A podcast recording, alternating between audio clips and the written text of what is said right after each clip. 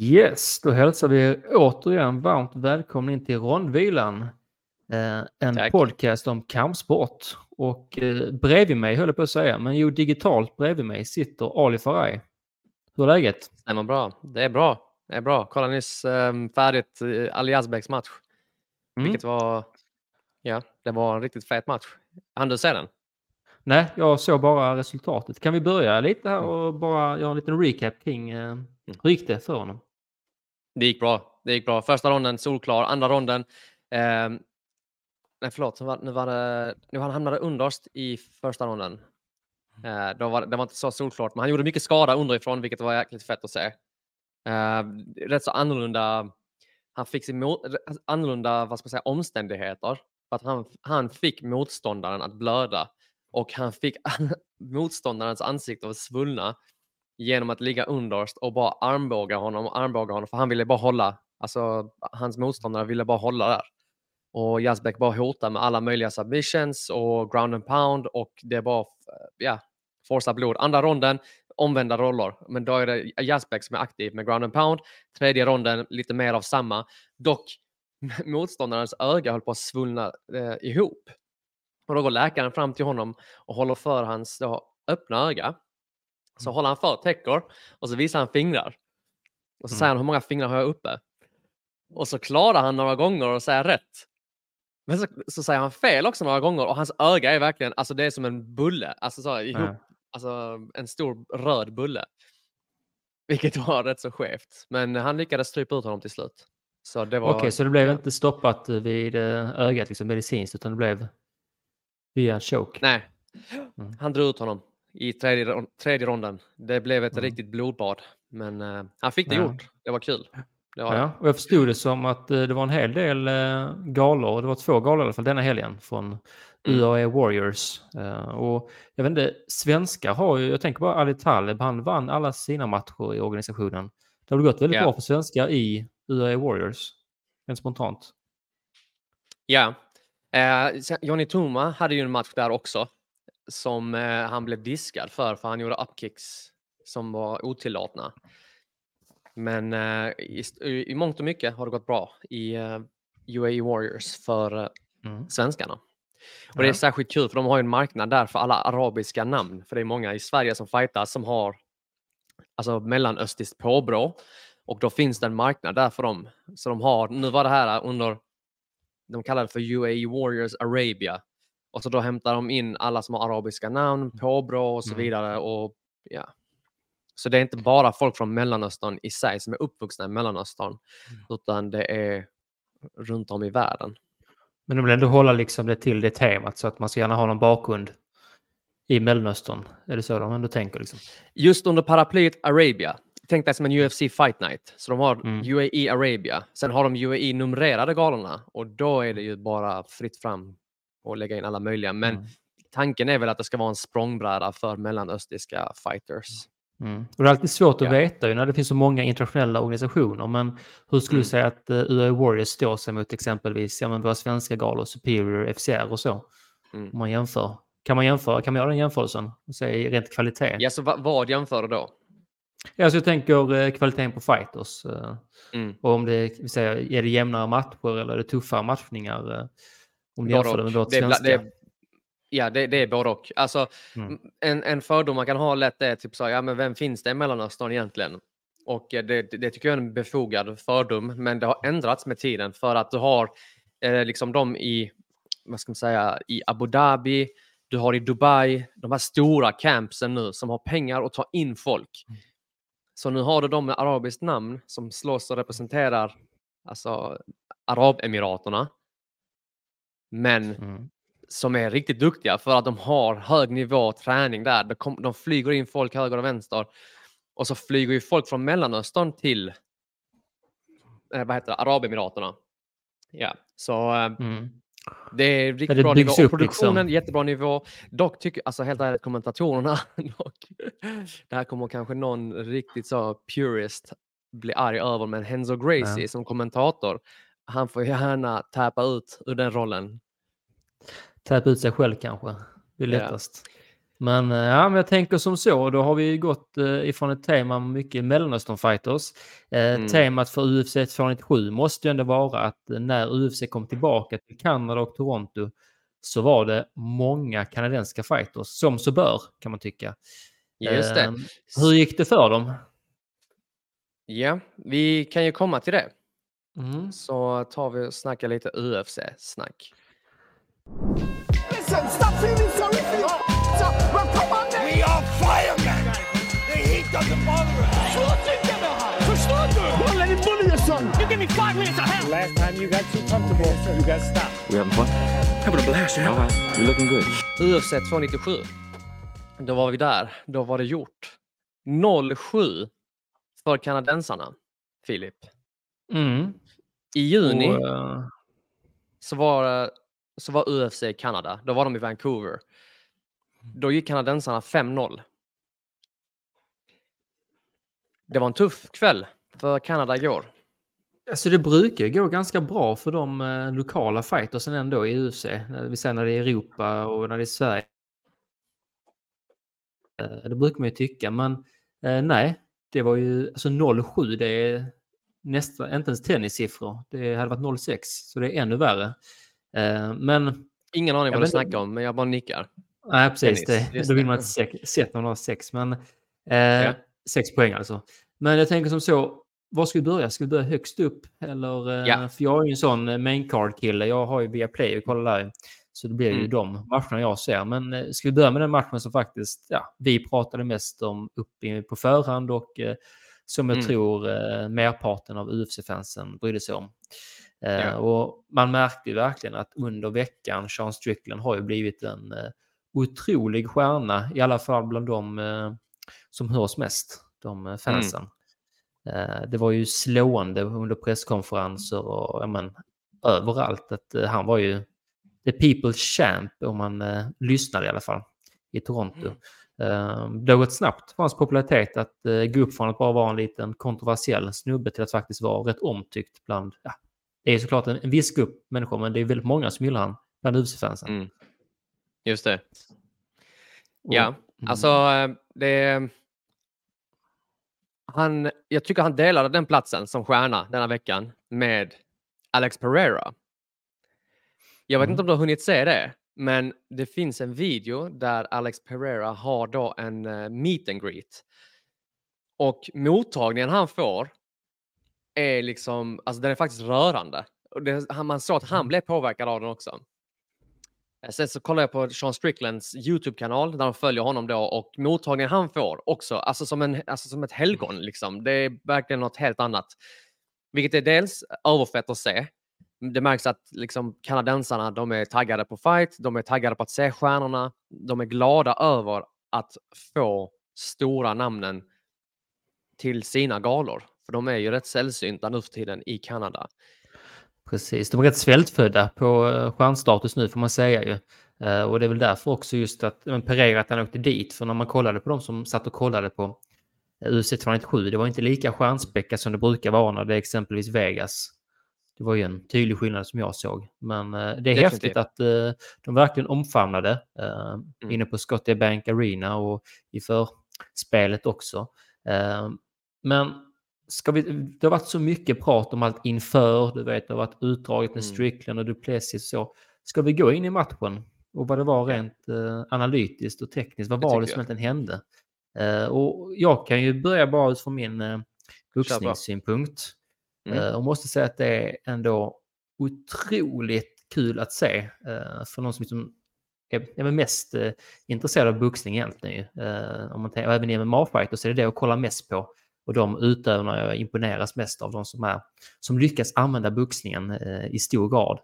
Och Mm. Strickland har ju inte dominerat två titelmatcher, absolut inte, men han har varit väldigt framgångsrik nu ändå i två titelmatcher, tio ronder, med enbart boxningen som sitt verktyg. Eh, och om man tänker också slagen, eh, så bara genom jabben, det var väldigt få raka som började med rak höger, eh, som jag tycker bra mixar upp ibland. Det var först i femte ronden som vi behövde se det.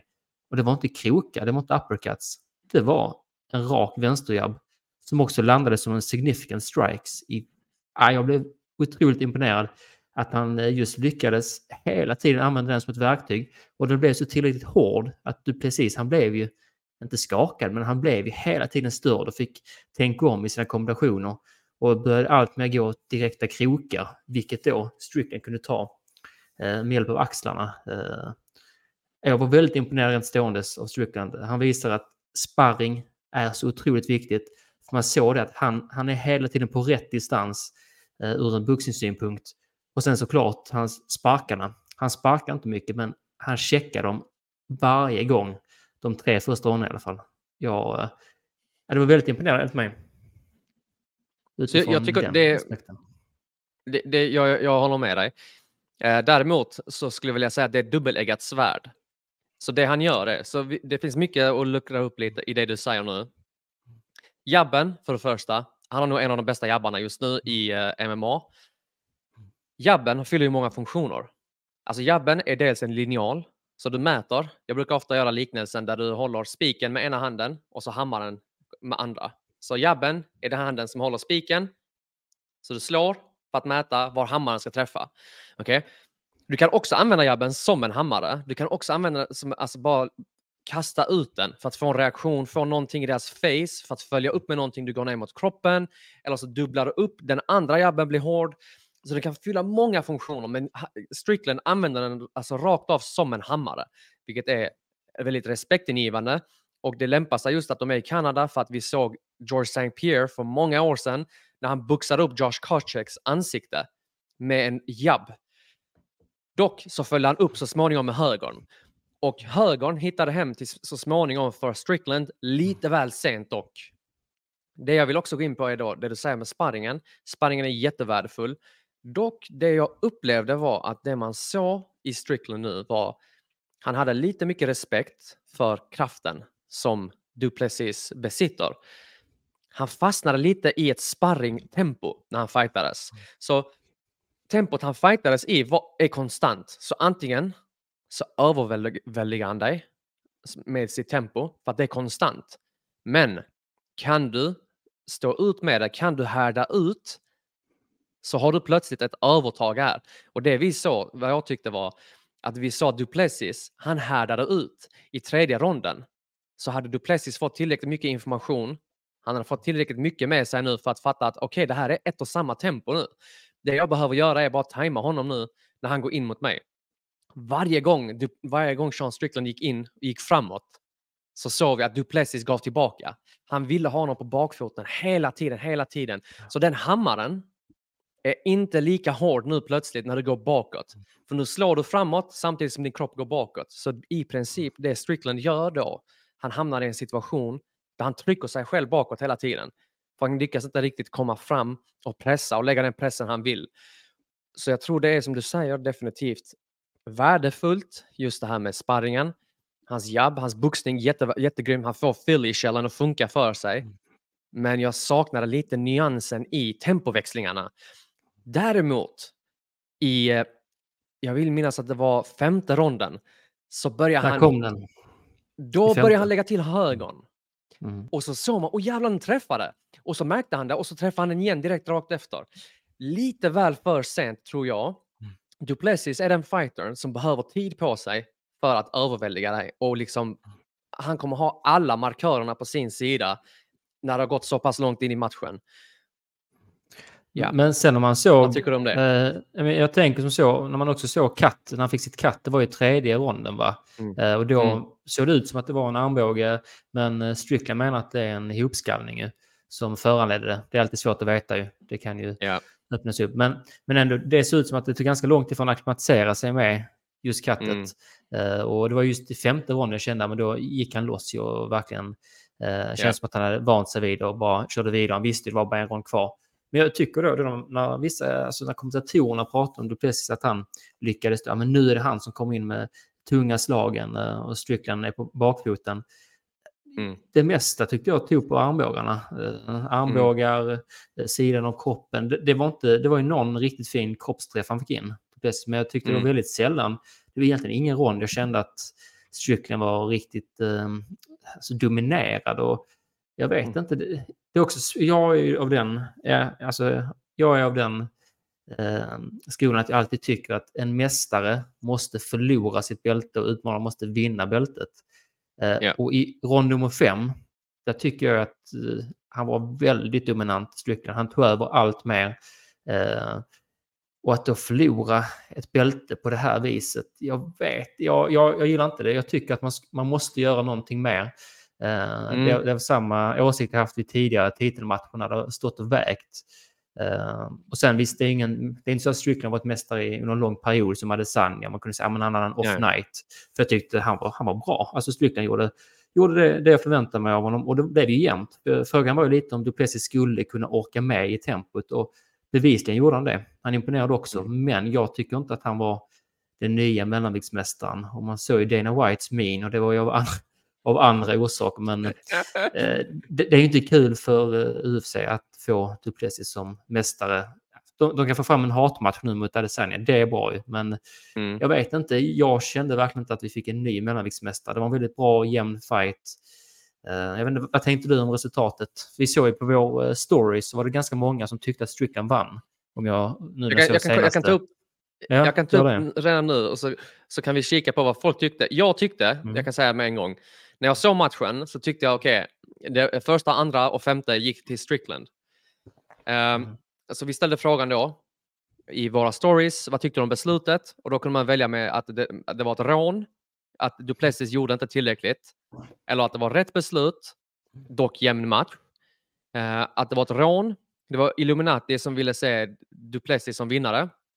Eller Strickland vann. Duplessis övertygar inte nog. Och det är väldigt alltså, jämnt mellan att folk tycker att det var rätt beslut, men det var jämn match, Mm. och att Strickland vann, men eh, för att eh, Duplessis övertygar inte nog. 48 procent tyckte att Strickland vann, men att, för att Duplessis inte övertygade. Du har 38 procent som säger att det var rätt beslut, men jämn match. Så Mm. många tyckte nog inledningsvis att eh, Strickland vann. Jag är en av dem. Jag har bara sett matchen en gång. Och eh, jag vet inte, alltså, jag tyckte första, andra och, och femte gick till Strickland och jag tyckte också, tycker också i, ibland tycker jag det, ibland tycker jag inte att man ska övertyga särskilt mycket mot mästaren. Eh, men i det här fallet så saknar jag lite, jag saknar lite övertygelse från Duplessis. Ja, just det var, det var en jämnt, 50 tyckte jag. ja, en 50-50 match och jag tycker Ja. också det att han... Det var väl ingen som egentligen kände i femte rundan att det här är en tydlig seger för Duplessis och jag tror inte han själv heller kände. Hade det varit en vanlig match, bara ett vanligt main event, då hade det ju känts Ja. att men det kan gå till vem som helst. Det kommer ju bli split förmodligen och ah, det är svårt att döma.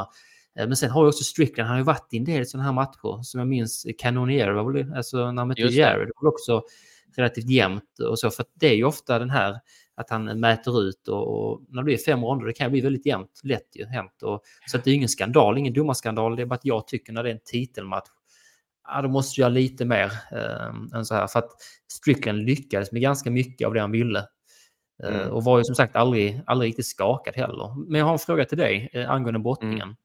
Eh, för att eh, först tänkte jag bara oj, nu, nu, gud vad aggressivt han går upp eh, Strickland. Men han kom ju upp väldigt enkelt. Ja, men det var ju i Mm. princip alla nedtagningar.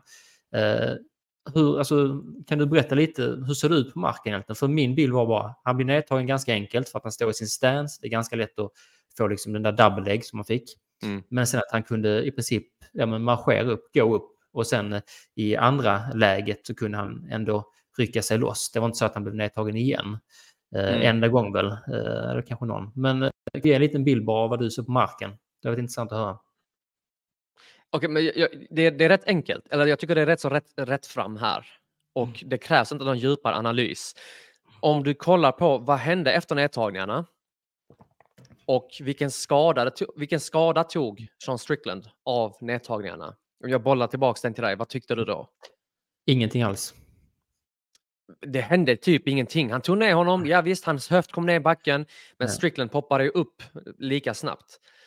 Eh, Så för mig så tycker jag att de var intetsägande. Det är ju, det är ju värdefullt, alltså om det är så pass att ronden är så jämn och att det är den nedtagningen som var det som var det utmärkande i den ronden.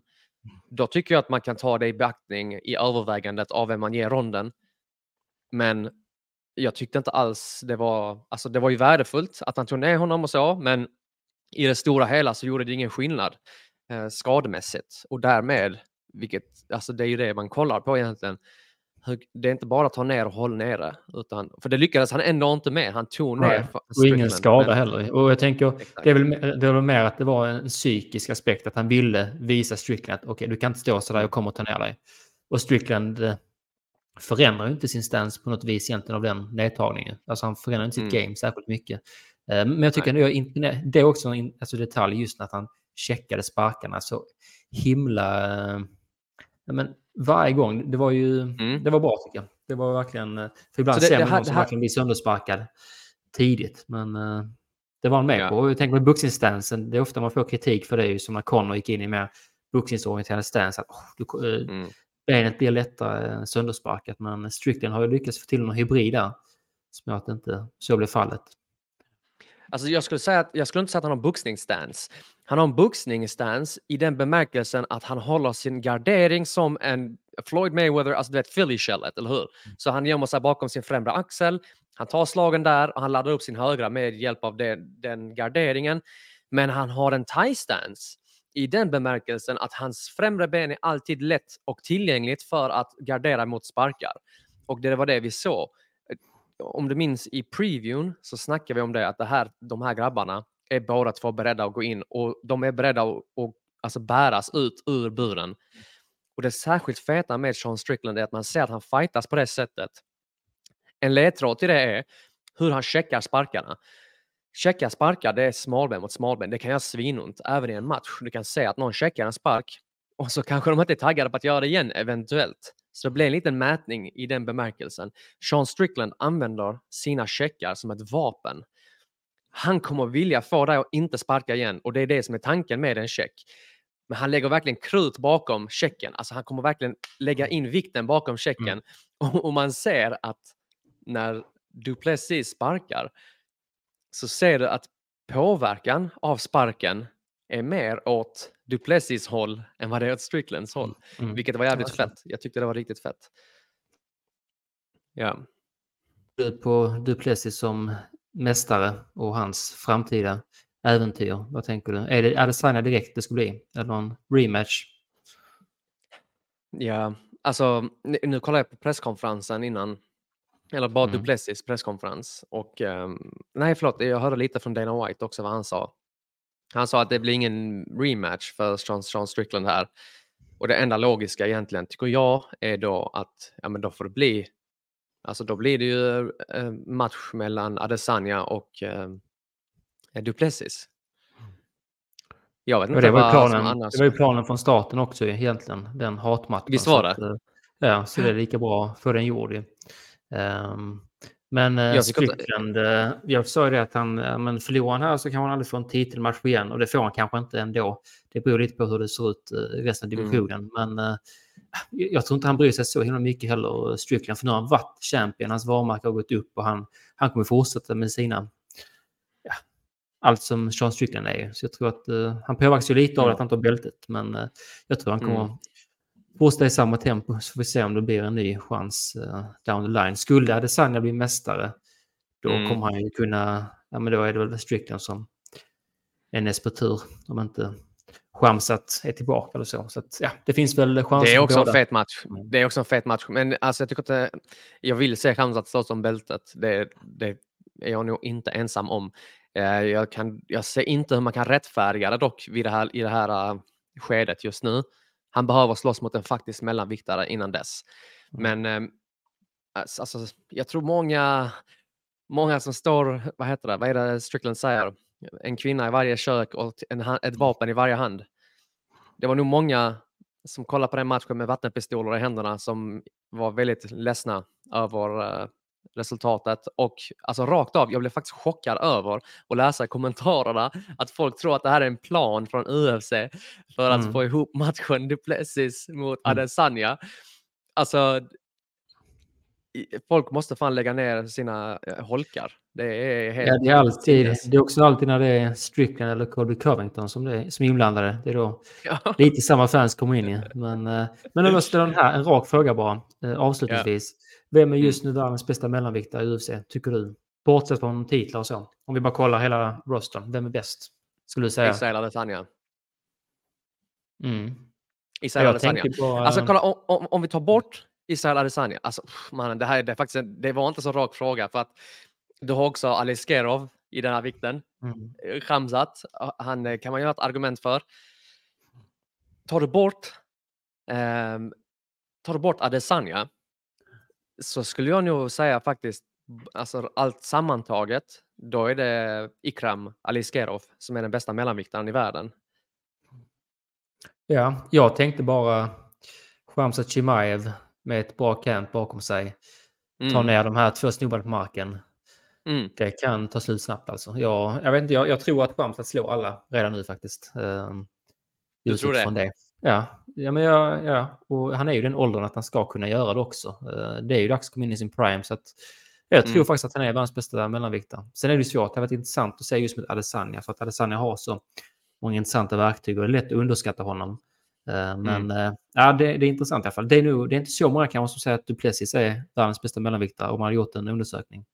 Tror jag. Så att, jag kan säga Nej, Adesanya. han, är, han är i ett sånt konstigt sked, skede där du har, du har ändå besegrat tunga namn. Du har gjort, alltså du har hävdat dig bland de bästa tungviktarna i världen. Men att ta bältet på en sånt, ett sånt här vis lämnar lite att önska för fans tror jag, Mm. för att de ska bli helt sålda. Det var ingen, liksom ingen skandal så som vi säger, Aljamain Sterling. Och han fick ju verkligen kämpa många matcher innan han fick något förtroende från fansen. Men det kan nog Mm. bli lika, alltså lite liknande att Duplessis måste nog besegra Adesanya och men eventuellt kanske Shamsat och då verkligen, okej, du är bäst. Men det kommer nog ta ett tag. Jag tyckte det var en jätteklockren klockren liknelse. Ja, det, är- det är lite Aljamain Sterling-viben över det hela. Mm. Men eh, där eh, var ju då huvudmatchen. Ja. Eh, Co-main, eh, om vi pratar Mm. om eh, kommentar, eller krigare i kommentarsfälten så eh, Mm. titelmatchen eh, mellan då Raquel Pennington och Mayra Bueno Silva. Just det. Oj, det var inte- alltså hade man gjort en eh, undersökning där så tror jag det varit 99% av de mest högljudda UFC-fansen Mm. De somnade baserat på detta. Det var mycket hat i kommentator, alltså kommentarsfältet. Eh, vad tyckte du? Jag kan säga det, jag slocknade. Jag eh, tröttnade Mm. några ronder in. Det hände inte mycket. Jag hade snabbspolar. svårt Jag har en sån knapp, på- knapp på min eh, kontroll som spolar fram 15 sekunder. Mm. Så varje gång det hamnade i clinchen, spolar fram 15 sekunder. Var de separerade så spolar jag tillbaka. Mm. Men mer eller mindre så fick den knappen blev överanvänd i den matchen kan jag säga dig. Mm. Eh, Det var inte händelserik match. Jag, jag, å, å ena sidan, eh, alltså jag trodde faktiskt att eh, Bueno Silva skulle ta detta. Mm. Och jag var övertygad om att alltså Mayra Bueno Silva, hon kommer att stöka till dig i den här viktklassen länge. Hon kommer att vara stökig att möta. Mm. Men efter igår så tyckte jag att man såg att hon har alla färdigheterna i världen. Hon är bland toppskiktet i bantamweight. eh, Vad det nu innebär i dagsläget. Men gameplan och strategimässigt alltså lämnar mycket att önska tyckte jag. Ja, och jag känner bara... Alltså i femte ronden, Filip, Ja. förlåt, i femte ronden Mm. så drar hon guard. Eh, Alltså helt, alltså man bara, vad, Mm. vad händer? Din coach har ny- jag kan inte, alltså jag kan fem ord på portugisiska och jag fattar ändå att hennes coach sa till henne, nu får du fan ta, ta tag i ditt liv i stort sett Mm. och, och gör någonting av den här femte ronden, den här ronden som räknas. Och hon går ut och säger yes coach och drar guard. Va? Alltså va? Ja. Nej, och det var ju i, bara några dagar tidigare hade Sean Strickland ju gått ut och ja, men sågat i princip all, jag vet inte om det var alla eh, kvinnliga MMA-fighters eller vad det var, eller var det bara UFC, Mm. men han har gått ut på ett korståg ju, så att eh, då är det många som fyller i där när de får en sån här prestation i eh, en titelmatch. Det är ju synd ju, för det svärtar ju ner ryktet även för andra underhållande kvinnliga MMA-fighters ju. Så är det ju. Eh, Det har varit lite för många av den här typen av matcher. Innan var det mer att Amanda Nunes, eh, du bara hon var för övertygande, hon var för bra eh, för Mm. de andra. Att det inte blev riktigt jämnt men Mm. ja, detta var en... Jag vet faktiskt inte vad jag ska säga. Det, jag, jag tror inte någon ville säga detta. Och frågan är, kommer, kommer UFC Dana White i framtiden att sätta ner en sån här titelmatch, om det är en titelmatch längre ner på matchkortet? Jag vet inte. Hur det kommer se ut. För det, Nej. nu har det varit i tio år i alla fall. Tio år, kvinnodivisionen har ju funnits. Eh, Men Jag- den jag är inte lika het. Det, det, det är ju, vi snackar bantamweight specifikt. Vi får, låt oss Mm. inte glömma, de har lagt in flugvikt. Flugvikten för kvinnorna är riktigt het. Eh, Du har strawweight, också riktigt het. Eh, Du har, nu, nu ska Jermaine Durandamy komma tillbaka. Beror, beroende på om hon klipper vikten till bantamweight eller stannar i, i eh, fjädervikt så kan det finnas hopp för den här viktklassen. Men eh, just nu så är det inte den hetaste kvinnoviktklassen skulle jag vilja säga. Alltså objektivt sett så är det inte det. Den lämnar mycket att önska underhållningsmässigt. Statistiskt sett så eh, avslutar kvinnorna sina matcher mindre och de hamnar i clinch oftare. Jag tror att bantamweight du behöver inte ta mig på orden. Jag lyssnade på en podd häromdagen med Jocke Engberg eh, där Brodal intervjuade honom och så sa han samma sak. Jag tror att merparten av det här händer i bantamweight. Bantamweight är lite av eh, de sämre egenskaperna som tungvikten har. Det är liksom, det här, så hade jag beskrivit det, tyvärr.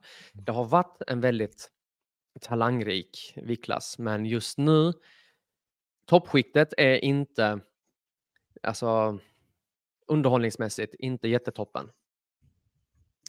Nej, och det är ju ofta man pratar ju om UFC just med underbetalda löner och så. Men eh, skulle den här matchen liksom varit, om vi tänker som i boxning eh, eller andra kampsporter där de själva får marknadsföra sig, ni får sälja biljetter och så. Eh, hade det här varit en huvudmatch där, det hade inte varit Mm. många som eh, sett den. Så att de, de rider ju ändå, man får säga, de rider lite på vågen ju som Sean Strickland och Duplessis skapar ju. Jävlar. Eh, Och de utnyttjar ju inte det. Alltså jag, ja, jag, ja, ja, den blev... eh, Ja, men jag, jag tänkte körde- faktiskt förra, förra gången vi poddade så innan jag Mm. hörde Strickland, det var några dagar innan, så tänkte jag bara så att alltså, ja, jag kommer nog inte orka se den här matchen. Jag tror inte det. Mm. Eh, och jag gjorde inte heller det. För att, nej, för att det är ofta så man, som i andra, UFC vill man ändå se varje match på main card ju. Men eh, den här Ja. var faktiskt, det var bara synd för att det blir ju negativitet. Men jag tror också att det är under money talks och jag vet inte i framtiden hur UFC kommer se på det. Det är klart, de vill ju inte Mm. ge att eh, de bästa kvinnliga fightsen går till en annan, vi säger så Invicta som fanns ju, eh, Ja. som gjorde sina, sin bara med kvinnor. Men jag vet inte, jag tror de kommer, det kommer förändras tror jag. För att eh, det är ingen pengaintjäning när det ser ut som det gör där. Det tror jag inte. De eh, fansen i USA framförallt, jag tror inte de, Mm. ja, de köper inte det. Eh, Sen köper de alltså för andra matcher, men eh, nej, det här var Ja. ett steg ner för eh, kvinnliga mat tror jag, just det här. Men det är klart, vi har många Ja. andra bättre fighters ju. Ja. Jag håller med. Ja. Alltså, jag skulle säga också, alltså, jag, tror väldigt mycket på representation. Så Mm. jag, jag tycker att man ska, i, i mångt och mycket eh, så är representation värdefullt. Jag tycker dock att meriter ska tala för vad som representeras. Och det finns jättemånga många kvinnliga fighters i de andra viktklasserna som är, är alltså värda att betala pengar för att se. De vi såg fightas igår, alltså Mayra Bueno Silva och Raquel Pennington, om de slåss igen så kommer de inte sälja en, alltså för en krona. eh, Så som det såg ut igår, tror jag. Tyvärr. Mm. Nej, precis. Och man behöver ju få in, eh, som i vissa andra sporter, där eh, kvinnliga idrottare i princip tjänar lika mycket som män eh, I tennis Ja. och så tjänar väldigt mycket. Där har man ju fått in en publik också av kvinnor. Det är det UFC har ju. Ja, men det är lite som när man kollar cancerpoddar så. Det är ju ofta en målgrupp på lite yngre män ju. Och det ser man också i publiken. Så de behöver nog Mm. få in det, att så det blir ett större intresse så det kommer in ännu bättre idrottare. Men det är ju sånt som kan komma 10-15 år framåt i tid. Så det är bara att fortsätta som du säger, representation är viktigt ju och eh, man får också komma ihåg att eh, kvinnor i USA det är ju 10 år, eller 11 år tror jag de var nu väl sedan de startade. Så att eh, Mm. det har hänt mycket på fotbollsfronten och så. Det är mycket mer professionellt ju senaste 10 åren där ju. Så att det är väl bara att de får fortsätta jobba hårt och ja, men, eh, ta inspiration från andra sporter så tror jag det, Mm. det kommer bli bättre. ju. Och det finns ju redan nu väldigt mycket bättre fights än de vi såg idag. Ju. Det är det ju. Det är Ja, bara svårt att fylla ut viktklasserna. Men det var lite synd faktiskt för att eh, det hade ändå varit en hel del, eh, inte en hel del, men eh, matchen innan där, Neil Magny Mm. mot Mike Mallott. Mm. Veckan inför, och så hur han pratade, hur han ser ut och hur han representerar sig själv. Och även de två och en halv första ronderna så tänkte jag äntligen en ny stjärna från Kanada, Mike Mallott, Mm. som faktiskt kan vara kan, kan du göra sig ett bra varumärke? Kändes fräscht, kändes härligt, skönt, efterlängtat. Mm. Sen vet jag i tusan vad som hände. Eh, Neil Magny är ju en tuff, tuff eh, fighter och som vi sagt, du måste slå honom för att bevisa ditt värde, att du ska vara en rankad fighter. Eh, gör man det så finns ju alla vägar öppna för att bygga upp ditt namn, men han är inte lätt att slå Neil Magny. Han ger inte upp. Det, det, det finns en anledning till varför han kallas för en grindvakt. Han är gatekeepern i den viktklassen. Och det är inte bara för att han har, alltså, han har haft tuff, tuffa matcher. Det har han verkligen. Det, det, vi, vi säger inte att han är en grindvakt bara utan anledning, utan du kan inte bara komma in och tro att du kan köra över honom för att han har förlorat ett gäng matcher. För att han är den veteranen. Han har gått liksom varannan vinst, varannan förlust. Mm. Men han är veteranen, han har varit med i gamet, att han har hållit ut så här länge i gamet, i vad som är en väldigt konkurrenskraftig viktklass, är anledningar, alltså många av, av, det är många anledningar till att respektera honom. Mm. Och jag tror att Mike Mallott hade ingen respekt för honom. Och eh, det fanns lite, det, hans gameplan mot, mot um, Magni lämnade lite att önska. För det är någonting man har sett mot Magni, så är det att bensparkarna är väldigt effektiva mot honom. Och Mallott fick, fick igång bensparkarna, men jag tyckte inte alls han utnyttjade lika väl eller lika bra som han hade kunnat. Eh, för vi har sett tendenser hos Magni som inte har försvunnit. eh, Fick vi kvitto på igår också. Eh, Mm. och Mac- Mike Mallett, jag tror nog han, han, han hade nog jobbigt att somna igår kväll.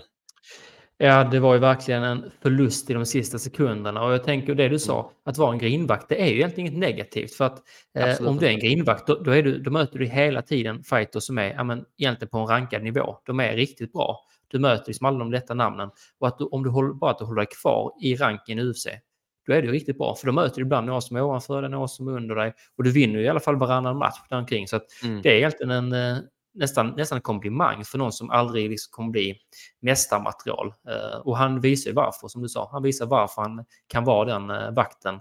Eh, och Mike Mallott, man såg ju där i slutet att när han väl blev, hamnade i en icke önskad eller icke önskvärd position på marken, att jag vet inte, han, han såg inte chockad ut, men det var mer bara att han Ja, han lyckades inte Jag tror det var utmattning. Det var det. Jag tror, jag tror det var utmattning. Det var utmattning för han hade, han hade gett allt eh, och Mm. det, det är det här som är det, det, det intressanta. Jag vet, du vet när man sparras mot någon som har hållit på länge. Mm. Så man, man kanske är mer atletisk än dem, man är yngre än dem. Men de har sina veter, de är liksom, har varit med i gamet av en anledning. Alltså om du är gammal och är med på mattan, då det finns en anledning att respektera det. Eh, och den anledningen såg vi där att du kan inte bara kötta allt vad du kan eh, och hoppas på att det här ska gå bra. Och Mike Mallett, han- åkte i den fällan. Han underskattade, tror jag, eh, Neil, han, han underskattade Neil Magny rakt av, är jag övertygad om. Mm. Och det är kanske att han har köpt sin egen självbild, liksom att han har ett bra record, eh, är kanske dominant i klubben och, och många höjer upp han kanske som Kanadas nya eh, stor hamna eh, i en sån situation att oj, ska jag bli utslagen nu, några sekunder Mm. innan eh, omgången. Och ja, det blev han ju. 15 sekunder alltså. Ehm, Helt ja. sinnes. Men det var ju dock, man kan tänka sig, ja, men låt det fortsätta. Han var ju, det var mycket stryk han tog de sekunderna. Ja, Eh, nej, nej, det är inte värt Jesus, det. alltså det var... Mm. Men jag tycker det är lite synd, för jag kände faktiskt oh, äntligen en, eh, en fighter som jag verkligen eh, kommer vilja följa framöver. Och det kommer jag fortfarande vilja göra, men det var ändå... Det hade gett lite extra krydda om man faktiskt hade lyckats med det här och vinna tre ronder. Ta Mm. en, eh, göra en dominant prestation. Jo, visst hade men, eh, mm. Eh, Jag, jag tycker dock inte man ska skriva eh, av. Man ska inte skriva av Mallot ännu. Han eh, visade omognad i buren, tyckte jag. Eh, med, med det sagt, omognad innebär också, det antyder utrymme för utveckling. Ja, nu vet han vad som krävs ju. Nu vet han vad som krävs på den nivån ju. Så att det blir ju ett bra mått. Men jag tänker eh, Sean Stricklands eh, träningspolare som ibland undrar är eh, hur bra kompisar de är. Chris Curtis Mm. som också är i mellanvikten. Han eh, gick och vann sin match mot Marc-André Barriot. Nu säger Mm. man franskt uttal. Men eh, ytterligare en kanadensare som eh, förlorade sin match ju. Eh, Mm. Det var lite så halvkritiserad av amerikanska fightersen, eller kommentatorerna, den här matchen. Vad tyckte du? Vad var kritiken?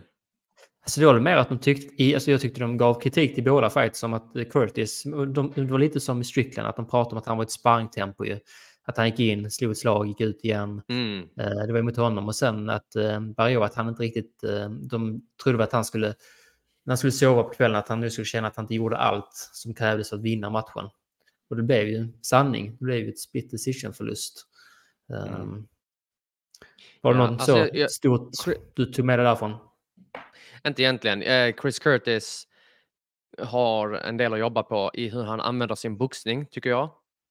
Det är dels vad jag uppfattade, men också vad jag har hört nu i efterhand, eh, vad andra säger. Det är egentligen det stora hela här. Han är bättre boxare än vad han visade igår. Och det här med sparringtempot, jag tror det är någonting som präglar hela teamet. För de har alla förutsättningarna på Extreme Couture. De har liksom grym, grym träning, grym, grymma coacher, grym sparring. Men jag tror det, det som saknades här var lite taktiskt. Alltså, man såg både i Strickland-matchen och Chris Curtis när eh, Eric Nixick coachar dem då. Sakerna han säger till dem är jättevärdefulla om de kan implementera det. Men väl där på kvällen, det du kommer implementera är oftast det du har lagt alla veckor fram till matchen på. Och det, det är det som kommer på automatik. Svårt att sadla om om du har hållit på och sparrats på ett, på ett visst sätt hela vägen fram till matchen. Så det finns nog någonting att göra i hur de ska tänka när de sparras, tror jag i alla fall. Och och bara av det vi såg igår kväll. Jag vill säga rent spontant, i han är, morse otrolig, han, är ju en, han är ju en otroligt liten mellanviktare, det måste man ändå säga. Mm. Det blir ju svårt i en sån viktklass där det är så pass många större fighters. Eh, Men det är klart, Ja. han är ju rätt stor ändå, alltså rent byggd, men han är ju kort fortfarande. Och just när man använder boxning mycket, räckvidden är ju en väldigt viktig fördel att ha. Mm. Eh, Så att, ja, han är, väl, han är väl där han är i rankingen. Jag tycker inte han kommer att komma särskilt mycket högre upp. Eh, Det såg vi också Mm. mot Jack Hermansson. Där lyckades han inte alls. var det, var ju ett tag sedan i London, men jag vet inte. Det känns som att han, han är väl där han ska vara ungefär. Kan lär väl vinna varannan match ungefär. Eh. Ja. Lite likt Neil Magny eventuellt. Um, men det var väl de matcherna jag... Uh, äh, nej, vi har ju glömt den. Ja, Lavi, alltså Mov, var- Movsar Mm. Evloev eh, imponerade stort. Jag, jag, Mm. det blev verkligen... Eh, nu, eh, om du minns när vi snackade i previewn så sa vi att alltså, om inte Volkanovski finns och Max Holloway i mer eller mindre så är Movsar Evloev, Arnold Allen och Ilya Topuria topp tre i den viktklassen. Och det vi Mm. såg igår är en match vi med stor sannolikhet kommer få se en rematch av. Eh, Det var en riktigt fet match. Grym match. Jag är grymt imponerad av Movsar Evloev. Alltså bara stöpt i den här eh, östeuropeiska mallen Mm. som eh, vi har sett nu gång på gång i toppskiktet i UFC. Och, Det var väldigt bra jag, jag, match. jag vill se mer. Jag vill se mer. Mm. Ja, det känns som att den fick lite, den hamnade ändå eh, lite ner på kortet ju. Så det är ju som du säger, det kan Mm. vara en framtida titelmatch om några år. Det vet man aldrig. Eh, Så att jag tror det kan då vara värde att den har, matchen har gått ju så att man ändå har den sen som ja, men du vet, en, en rematch-bräda där som man har till exempel med Leon Edwards, Kamaru Usman. Det var inte så många som tänkte på det, deras första match men att eh, det kan ju vara av värde i framtiden för att det är ju två framtidsmän. Även om Arnold Mm. Allen nu har åkt på sina förluster eh, som gick så lång vinstrad. Men eh, man kan inte säga att han den där tal- gått ett gäng år nu i UFC. Så att, eh, Mm. det är nu det ska börja hända, men han har gått bra matcher med ett bra motstånd. Så att, äh, det blir spännande att följa båda två framöver. Och att Evlev har Ja. sitt uh, undefeated record, det är alltid en viss, är en viss extra spänning i det Visst hela. Man kan bibehålla det. Absolut. Men ja, det var ju rent så spontant bara. UFC 297, om du skulle säga bara Mm. en kort mening. Vad tyckte du? Du startade året, rent allmänt. Mm.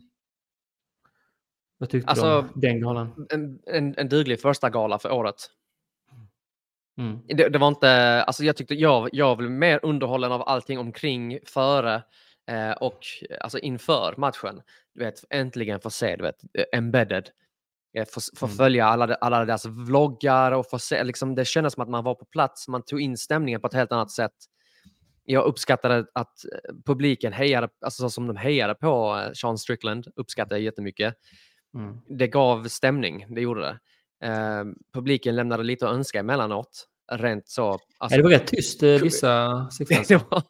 Helt. Jag tänkte, vad är det? Är det, är det Apex? jag läste att billigaste biljetterna gick på typ 6 lax. Eh, så What? du kan ju tänka dig, alltså så, någon som har råd att gå på de, den här galan. Antagligen inte en person som ägnar mycket tid åt att kolla på kampsport i sig, utan de är med där för att bli underhållna. Ja. Om jag bara sa du vet, så bara Alltså, nu, nu när du sa det, man undrar ju, man undrar hur vissa av dem som man såg det hade råd att betala de pengarna. Det, det var ändå några, du vet de där riktiga bleed, de eh, som var på plats, men Mm. de kan lägga hela Bleed, ja. månadslönen på det. Ja. precis. Eh, ja, men mycket oljepengar. Men, eh, mm, förmodligen. Men ja, alltså Toronto, jag tycker det är kul när det också är inte bara Vegas-galet, att de faktiskt, förutom numrerade galor också, på olika, Ja. både olika länder men eh, olika städer också i Nordamerika. Så Mm. det gillar jag. Och att det var Scotiabank Arena igen. Och så det var nej, men, en helt okej gala som du säger. Och utan Strickland-matchen och deras eh, antics och allting i början, då hade det ju varit en väldigt tunn gala. Så det var tur att den var att den skapade uppmärksamhet. Helt klart. Ja, gud ja. Ehm, Ja. Men eh, ja, då är det ju dags. eh, ja, det är väl dags om en månad igen ungefär för UFC 298. Nästa helg är det ingen UFC. eh, Nej. så att de har smygstartat lite får man säga. Det kommer väl fler. eh, ja. Men veckan därefter så har vi mm, Dolidze, Roman Dolidze mot Imavov. Precis, Men, eh, så den ja. pratar vi om nästa vecka så får man se vad vi tycker där. Ja. Ehm, och jag kan bara säga att det var lite boxning i helgen också. Natasha Mm. Jonas mötte Michaela Mayer och det är ju intressant när de pratar om eh, kvinnodivisionerna för att i boxning, det, det var ju den som var main event på den här galan i Liverpool. Eh, Mhm. Och ehm, Natasha Jonas vann såg jag. Hon, ehm, det var en väldigt jämn match. Vissa tyckte att Michaela Mayer vann, men som det ibland är i Storbritannien när det är en brittisk fighter i huvudmatch så kan det ju bli att domarna där kanske ser lite väl mycket åt ett håll. Så att det kan bli en rematch, men det är i alla fall roligt att se just utifrån min kritik här mot UFC, att, eh, eller de som fightades i UFC i Co-Main, att Mm. de kan faktiskt sälja en helt egen gala i England. Så att det går ju. Det är ju egentligen bara vilken typ av atleter det är ju. eh, hur bra de är och underhållande. Så det gick ju i alla fall där. Så det är kul att se nu att i England att de faktiskt, och även på Irland, de har ju lyckats sälja mycket eh, kvinnofighters. Verkligen hela Mm. Så det finns ett intresse där. Och det tror jag gynnar alla kampsport också, eh, som sen kommer gå över till MMA och så. Att det säljs, helt klart. Eh, Men annars eh, så tänker jag som så här, med Saudiarabien, vi har pratat mycket om det ju. Mm. Inte minst förra podden gjorde vi ju. Men det var någonting nytt nu kring MMA i Saudiarabien för att det kom ut lite rykten ju om att de tyckte att UFCs kort som de skulle ha i Saudi inte var tillräckligt bra. Eh, Det sa ju Mm. Dana White eh, är skitsnack att inte ha. Det finns inte de förhandlingarna. Men någonting vi kan veta är ju att den här prinsen som investerar så mycket i boxningen just nu och i eh, lite olika sporter. Eh, han har investerat en miljard ungefär i PFL. Eh, och nu blir det ett bevis här att PFL mot Bellator, deras mästare kommer möta varandra i Saudiarabien. Eh, jag har inte helt koll på vilket datum och så, men det blev väl i samtliga viktklasser som båda organisationer har, var min bild Mm.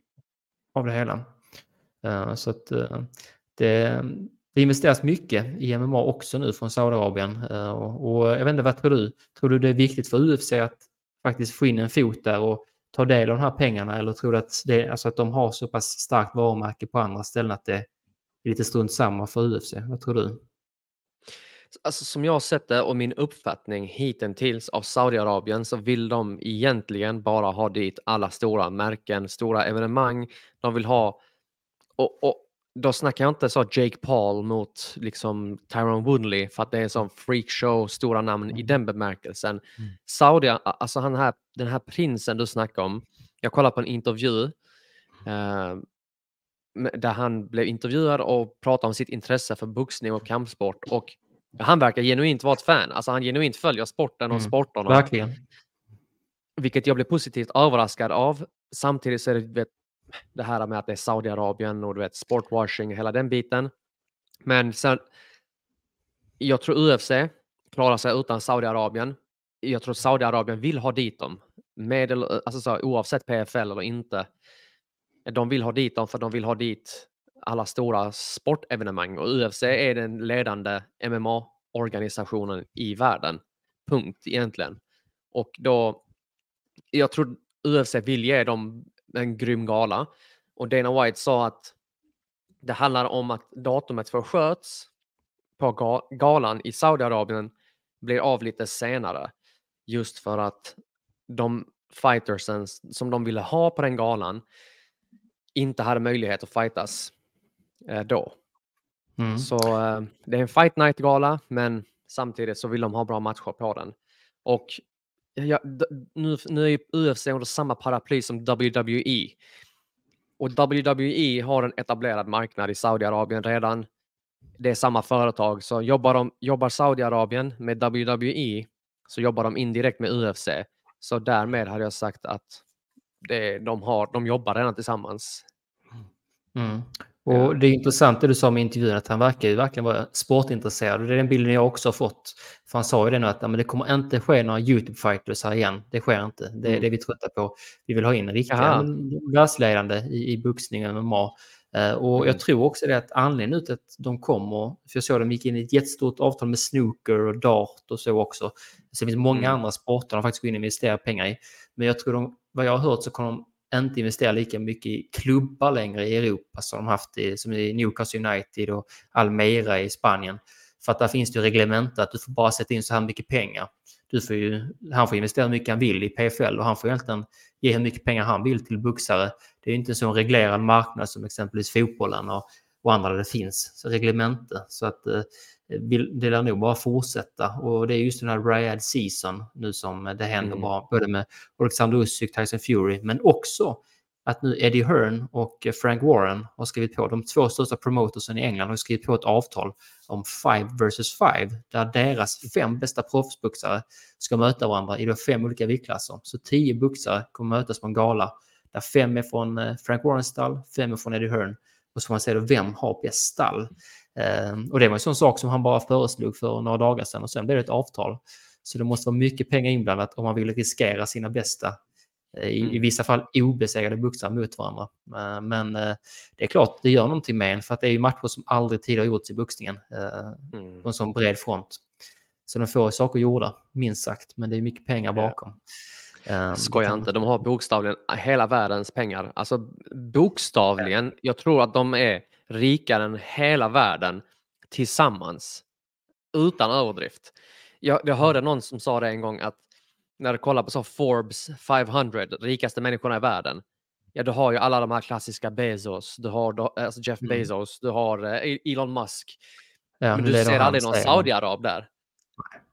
Det är De kommer det, aldrig det berätta Nej, nej, nej. Det, det finns inte en chans i hela världen att Elon Musk skulle vara världens rikaste eh, man. Alltså tänk, det finns nej, helt andra familjer som sitter på helt andra Du kommer inte åt deras bankuppgifter. Alltså, så, hur ska du veta vad de har för intäkter? Nej, precis. Det är bara till. de som faktiskt, som nu när han äger Tesla så kan man se verkligen, men han har så här många aktier, de är värda så här mycket, då har han så här mycket net worth. Men Mm. om det är ett bolag som inte är public traded, så att säga, inte är noterat, då Exakt. finns det inte lika mycket att kolla för oss i västvärlden. Nej. det är väl mer en lista för Alltså, man- listan. ja. Det Alltså, hela världens olja bara så, det råkade landa där de, där Mm. de fanns. Liksom. Alla liksom, söndersmulade dinosaurierna bara Mm. råkar ligga där. Och vi eh, behöver dem, alltså behöver deras bränsle. Mm. Ja. Men, och nu bara så, de bara, hm, vänta, det här kommer ju ta slut. Låt oss vända om och eh, investera i andra marknader. Mm. Så de gör ju det klockrent. De kommer ju aldrig få slut på pengar. Alltså, Nej, och de det är spelar bokstavligen monopol. Alltså, Ja, och just det att Ja. den eh, lokalbefolkningen, att man kan få dem, för det sa också, man vill få dem mer intresserade av folkhälsa och så, vilket inte alls finns på samma vis i Saudiarabien som i västvärlden. Och det är ju faktiskt, det är ju fair enough ju, att man, eh, det kommer komma ett mycket större intresse ju fler kommer börja med idrott och så, även om det kanske inte är den stora skalan som man tänker sig. Eh, Men i alla fall, återigen, Saudi är en stor del av det här och PFL som Mm. de investerat mycket i, de sålde slut på 20 minuter i Frankrike. Hur kommer det Mm. sig? Så det här var ju mycket snack om det. Det, det sålde slut på 15-20 minuter till PFL Parisgalan. Och kollar man på förra Parisgalan, jag kollade inte på den, men jag, jag, jag kollade på en match och den matchen var eh, Cedric Dumbe mot eh, Jordan, eh, kommer inte ihåg hans namn. Det spelar ingen roll, för det var bara motståndare för Cedric Dumbe. Cedric Dumbe är en av de största kickboxarna i fransk historia. Alltså det är basically han och Jerome Lebaner som är de största namnen. Okej, okay, Jean-Charles, eh, vad heter han, Skarbowski också, som eh, var George St. Pierres thai-coach. Han är fullegubben. Cedric Dumbe, att han fightades på förra PFL gjorde att, uh, nu kommer jag butcha den här fotbollsspelarens namn, är det Kylian Mbappé? Kylian Mbappé, Kylian Mbappé. Fy fan vad folk kommer hata på att jag inte kunde det kanske, eventuellt. Skitsamma mannen. Största fotboll, alltså jag vet vem Mbappé är och jag kollar inte på fotboll och det, det säger ju en del. Och han satt i publiken för att kolla på den, den här matchen. Så du har alltså Francis Ngannou i, eh, med fransk, fransk eh, alltså koppling. Jag bott i Frankrike mycket precis. Precis, Cyril Gunn har du. Men du har inte, du har inte eh, Cedric Dumbe. Och eh, de kan lätt sälja slut också. Alltså om de har en gala i Frankrike och du sätter Ngannou eller Cyril Gan. De kommer att sälja slut. Eh, fransmännen stöttar sina fighters, men också när de har stjärnor. Och stjärnor, om ni inte har sett, så kolla, googla eh, Cedric Dumbe PFL entrance. Jag har aldrig sett något liknande. Han kommer in till ringen, eller till buren med en madrass. På madrassen så står det godnatt Jordan. Och när han kommer in, de har inte ens ropat upp hans namn ännu i buren, så skriker han, alltså hans bokstav, alltså ingen mikrofon, ingenting. Så skriker han Jordan! Och så säger de typ så, du ska dö, alltså te mort. Eller något så. Jag kan inte franska. Ja, mort, hela, hela arenan, alltså mannen, det är gåshud. Att han ska fightas då på, PFL igen, tror jag är anledning till att det har sålt slut. Eller, med foliehatten på, att Saudi investerar. De bara köper upp alla biljetterna och får det att se mer populärt ut än vad det är. Så alltså, ja, men jag tänker, för det var också, de har haft en så himla eh, strikt, eh, strikta regler mot MMA, så det är väl också det, den hysterin finns väl fortfarande kvar. Eh, att, jag menar, att de är glada att man inte får se MMA professionell mm. i Frankrike. Eh, för att galna har väl sålt väldigt bra, jag kan tänka mig, även UFC de var mm. har väl sålt riktigt bra. Det finns ju stort intresse och de är ju sportintresserade och framförallt även kampsport. Ju. Verkligen. Men hur bra, alltså är han en, eh, för att många säger nu att UFC, de gjorde fel, de borde signat honom. Mm. Hur bra är mm. han? Det är ju svårt att säga om man bara sett eh, några matcher nu i PFL, men eh, hur bra är han skulle du säga om han har gått in i UFC direkt? Vilken nivå är han på? Han hade kunnat gå in i UFC direkt. Vi har sett kickboxare gå in i Alltså jag vet inte om han har gjort, gjort bra ifrån sig. För att de kommer ge honom bra motstånd. Vi såg Gokan Saki, eller Gökan Saki, gick in i UFC från kickboxning en av de mest fruktade kickboxarna. Han, han kallades typ Tyson i kickboxning för att han fightas på det mm. sättet. Aggressivt, våldsamt, inne i fickan, kommer kroka av ditt huvud, följt av bensparkar. Eh, Cedric Doumbé fick möjligheten att fightas i UFC.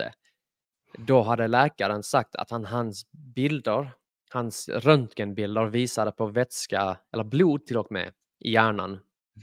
Och de godkände inte honom medicinskt. Och utöver det så erbjöd de honom motstånd som hade fyra, mer än fyra matcher mer än honom.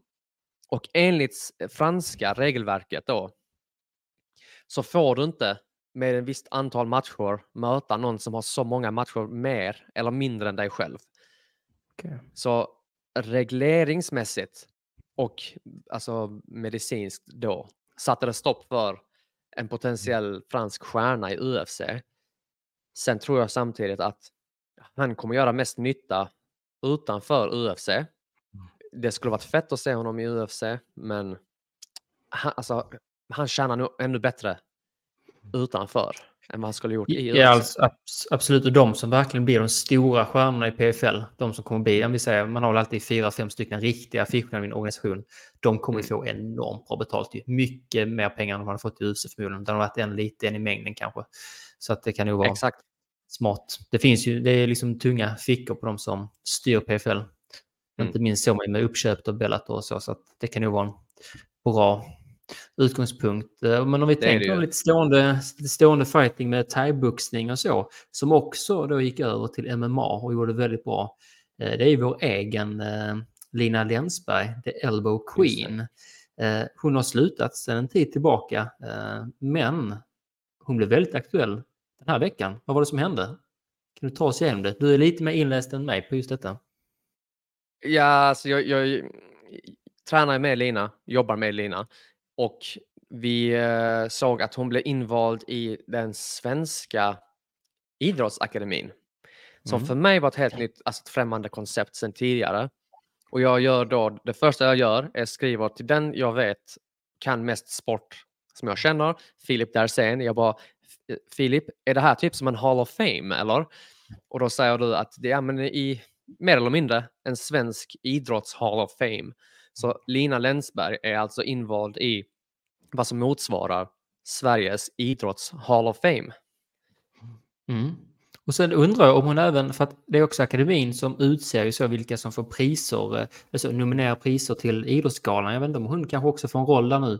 Eller om det inte är alla som har det. Jag vet inte riktigt. Det kan vi kan ta reda på mer. Men hon är säkert i alla fall... eh, Vi vet ju det är ofta man hört kampsport, alltså Sven Forning sa, "Ja, men jag blev inte ens inbjuden till Idrottsgalan när jag var eh, världsmästare i IBA. Men jag tänker, eh, eller IBO. Eh, Men jag tänker ändå att eh, det borde nu Lina kunna få, den inbjudan. när Hon väljs in här. För det var ganska tunga namn. Det var ju han, vad heter han, Björn, han gubben som har varit på de flesta posterna. Han Mm. fick också in eh. Så det är rätt tunga namn nu. Sen är det ju klart ofta att de, det är inte bara så att de väl- väljer in de bästa hockey och fotbollsspelarna, de största sporterna. Och det tycker jag är bra för att det är ofta även så typ men kanutister och så som kanske inte du och jag känner till eh, som kom in. Att man gör liksom en bred, och det ser man också att det faktiskt kom in kampsportare. För vi har Vem sa inte, du? Vem var det som valdes in? Alltså, nej men kanutister och så, vet, som kör kanot. Det är många olika sådana. kan vara Kanutister, ja. freestyle, ja. Ja. Freestyle åkning, alltså vet så, skikross som vi, vi inte Mm. ser på. Men det är ändå bra att de också uppmärksammas ju, så det inte bara blir så, ja men vilka spelar landslaget fotboll nu? Ja, men det är Alexander Isak, in med honom när han slutar och så. Utan att man ändå försöker Mm. hitta flera olika sporter så att... eh, Absolut. Alltså om man kollar nu bara på listan, om man går in på Idrottsgalan Mm. och så kollar man vad- vem som väljs in och så, så, så letar jag då efter kampsportare. Så du har oftast en och annan boxare. Eh, 100% Kan du ge ett exempel? känner. Kevin, Kevin Scott blir sagt invald eller? Eh, George Scott tror jag det var. Nej, George Scott är hans son Kevin. Han har bara sms. Ja. George, ja. George. Kevin behöver nog lite tid på sig. Ja, Eh, Frank grann. Andersson, bekant namn. Ja, ja, det är ju en Brottning, Legendar. alltså du vet, legendar. Eh, sen har du eh, i Ljungberg också kanske brottaren, eller han var kanske inte invald. Lind, du tänker på uh, Lindberg. Ljung, eh, Ljungberg, han som dog eh, 2004. Och vad heter han i förnamn? Men jag såklart så även Martin eh, Mikael. Lindberg är väl också. Mm. Mikael också. Ljungberg tänkte du på förmodligen. Ja, precis. Eh, så vad sa vi? Vi, hade, vi har thaiboxare, eh, brottare, eh, Ara Abrahamian är du bekant med, som Mm. slängde sin medalj. Ja, slängde medaljen, ja, just. Just det. Eh, 2008, så- två- jag ja. Tag sedan. Mycket möjligt, ja. Det var något korruptionsskit. Han var inte nöjd alls, vilket eh, var jäkligt synd. Mm. Två thaiboxare är med. Inga, inga MMA. Eh, den e- ena thaiboxaren är Pernilla Johansson som blev invald, vill säga, nu vågar jag inte säga, men mm, nästan tio år sedan. Eh, Mm. Sist jag kollade i alla fall. Så det är inte många thaiboxare. Två stycken, båda tjejer. Jag tänker spontant när jag kollar på den här listan. Det finns många andra som jag tycker skulle ha, man kan argumentera för skulle förtjäna en plats här inom kampsportsvärlden. Det är kanske en diskussion för en annan gång. Men absolut, Men- Jörgen Krut och så tänker jag bara spontant. Det finns många som Larry Lindvall. väldigt mycket, absolut. Men jag tänker det mest, eh, det blir väldigt tydligt eh, hur mycket, om de vill få in en MMA-atlet, att när väl Alexander Gustafsson verkligen lägger handskarna på hyllan, om inte han kommer in då, då är det ju ganska tydligt att eh, ja, vilken sport man inte vill in på listan. Ju. För det måste, alltså han borde redan vara invald. Jag vet inte om det är att du måste ha varit pensionerad ett visst antal år, men det, han, måste, han måste vara invald. Jag tror pension har nog med saken att göra.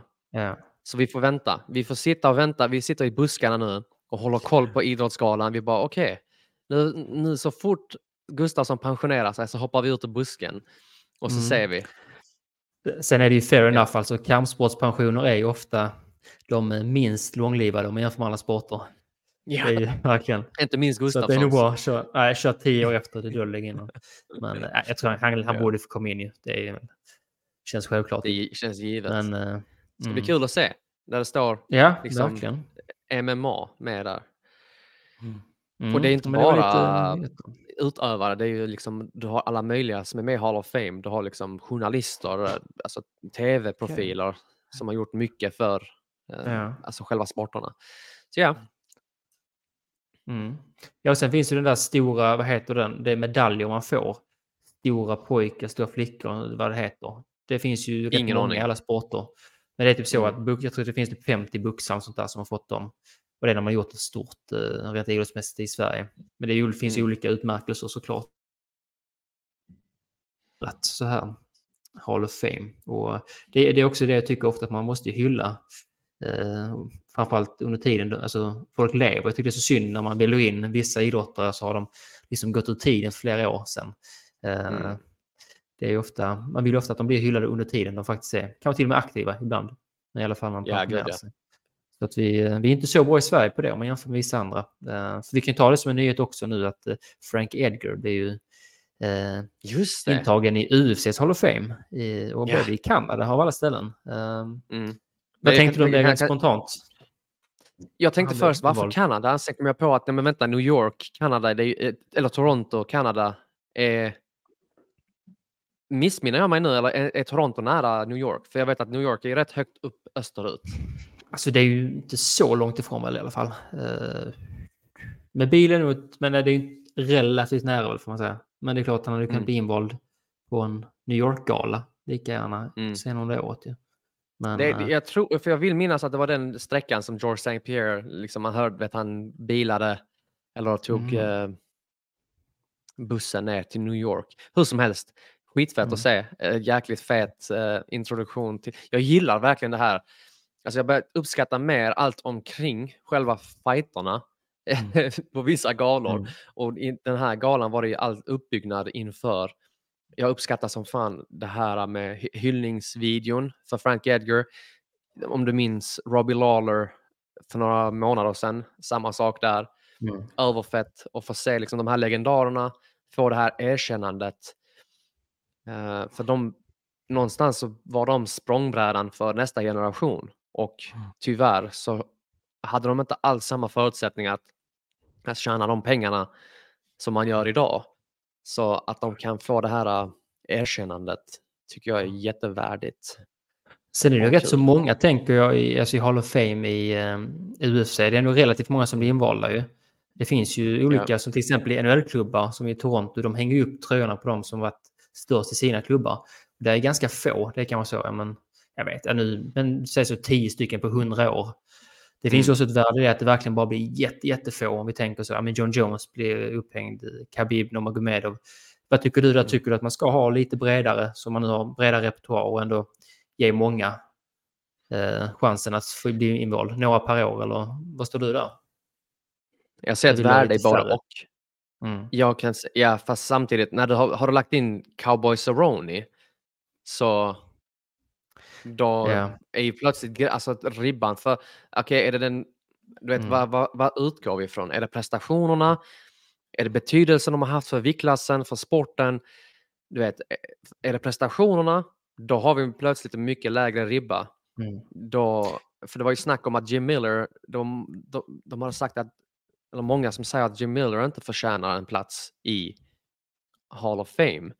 Mm. Men har du, in, har du lagt in Saroni för sina, liksom alla hans bonusar, Ja.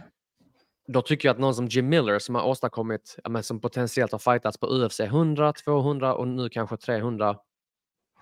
Mm. Det är lite dubbelt där, för det är ju samtidigt om vi säger om 20 år när UFC Mm. liksom har varit nästan dubbelt så lång tid som det varit nu. Eh, Mm.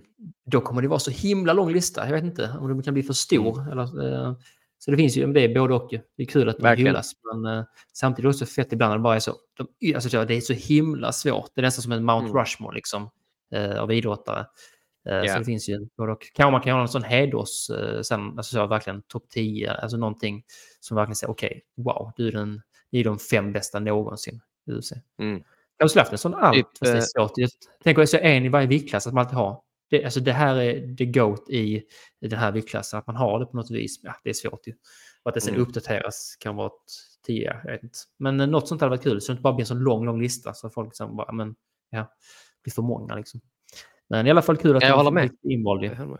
Ja, Så det, och kanske är det, eh, är det någonting så här avslutningsvis eh, Sverige. Det finns ingen som stoppar att det någon organisation i Sverige hade gjort en sån kamps, egen kampsports Hall of Fame. Det kan redan finns, jag vet Mm. inte, men någon som verkligen brandas. Så att eh, man kan Ja. väl in en på Uff, 50 år. det där är- verkligen de största, de största kommer in liksom. Um, Det, det, har vi en kommer del bli, som hade det kommer bli bråk. Mm. Det kommer bli bråk, Filip. Och vi kan, vi kan bara säga det som avslutning också, att eh, så bragdguldet, du vet det man får om man gör den största bragden i Sverige. Eh, Ja. 1959 när Ingmar Johansson knockar Floyd Patterson och blir liksom den, värld, alltså, den bästa tungviktaren i hela världen i tungviktsboxningen. Mm. Då när tungviktsboxningen drog hur många som helst. Vet du hur många det drog bara när de skulle ha uppvisningar i Sverige? När det kom typ så... Så när de skulle ha uppvisning. Alltså typ så, när, när Joe Fraser åkte hit och skulle bli intervjuad och slå på en säck i Karlstad. Ja. Så var det 11 000 som köpte biljett för att kolla på Jävlar. en hysteri då ju. Men Ja. 1959 när han vann eh, i guld, eh, Ingo, och tog VM-bältet, då fick han tanka bragdguldet. Det var Agnes Simonsson som fick det. Eh, så för att han gjort två, jag tror han gjort två mål i en träningslandskamp mot England på Wembley. Om jag, jag tror jag har rätt där. Men jag tror två mål. Och det, alltså inte ens i ett mästerskap, ingen titel, bara i en träningslandskamp gjorde han två mål. Det kan vara tre, men något sånt, något sånt där. Gjorde en bra match på Wembley. Så får han Mm. det framför Ingo som blev liksom i USA, the athlete of the year. Så det visar ju att det är ju en lång tid av eh, att man inte ser ner på kampsport, men att det är inte lika intressant som andra sporter och inte lika premierade. Mm. Nej, Så det är att tänka på ju. ja, det är synd. Det- Ja, har sett ut så. Mm. Men Ska vi, eh, ja, nöja oss länge. ja, knyta ihop där. Det var ganska mycket fokus på UFC 297 och jag tänker att det får väl vara när det är den första numrerade galan för året. Ja. Så ser vi vad som händer nästa gång. Det är lite mindre nästa helg, men eh, vi hittar alltid någonting att prata om i det rondvilan. Mm. Men eh, vi vill eh, tacka så mycket för att ni har lyssnat och kom gärna med respons och så om ni skulle tycka att ah, men ljudet blev mycket sämre på någon, på någon. Jag kunde inte höra Filip eller kunde inte höra Ali så bra. Så kan det ju vara eftersom vi är ny i vår digitala studio. Så alla sådana kommentarer är klockrena få in i, eller hur? Det är så man lär sig. Mm. Grymt, men eh, då säger vi vårt, eh, ja, som vi alltid säger, C-I-A-O. Ciao. Ciao.